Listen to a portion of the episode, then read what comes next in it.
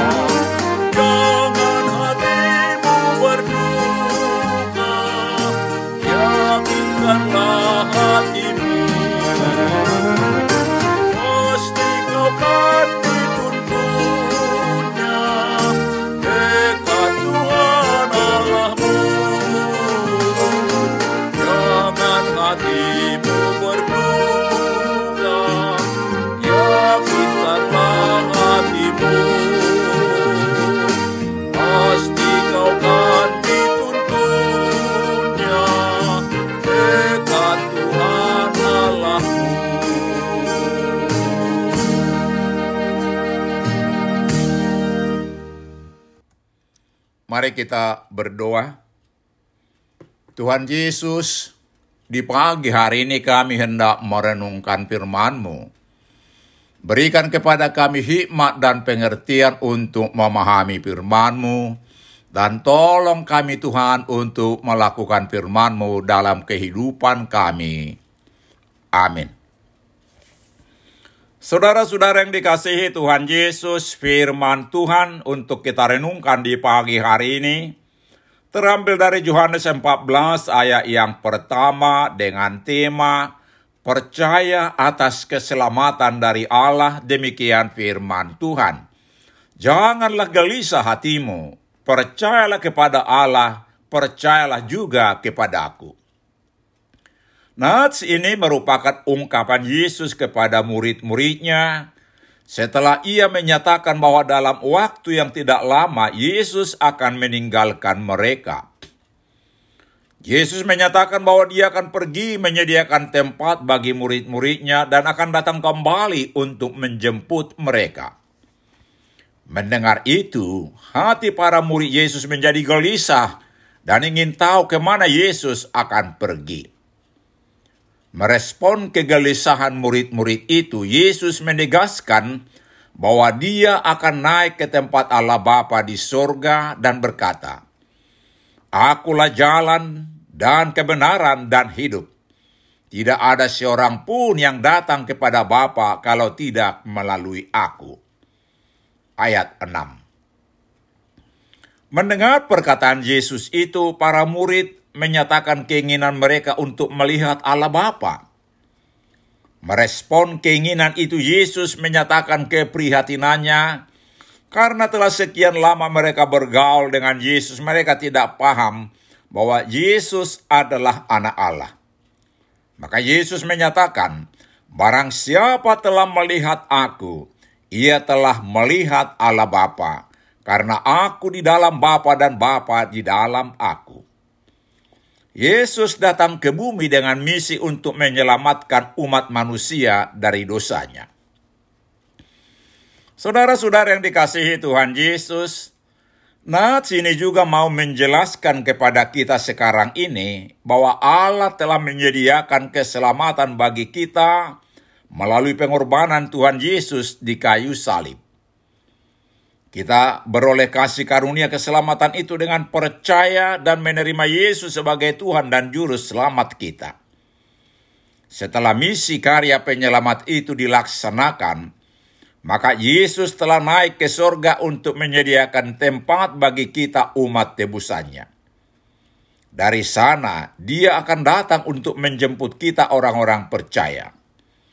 Dalam menantikan kedatangan Tuhan Yesus yang kedua kalinya itu, marilah kita tetap memelihara iman percaya kita tanpa celah dan cacat. Amin. Mari kita berdoa.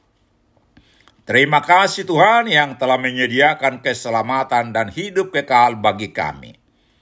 Kami akan tekun memelihara iman kami menantikan kedatanganmu menjemput kami. Amin. Tuhan Yesus memberkati kita.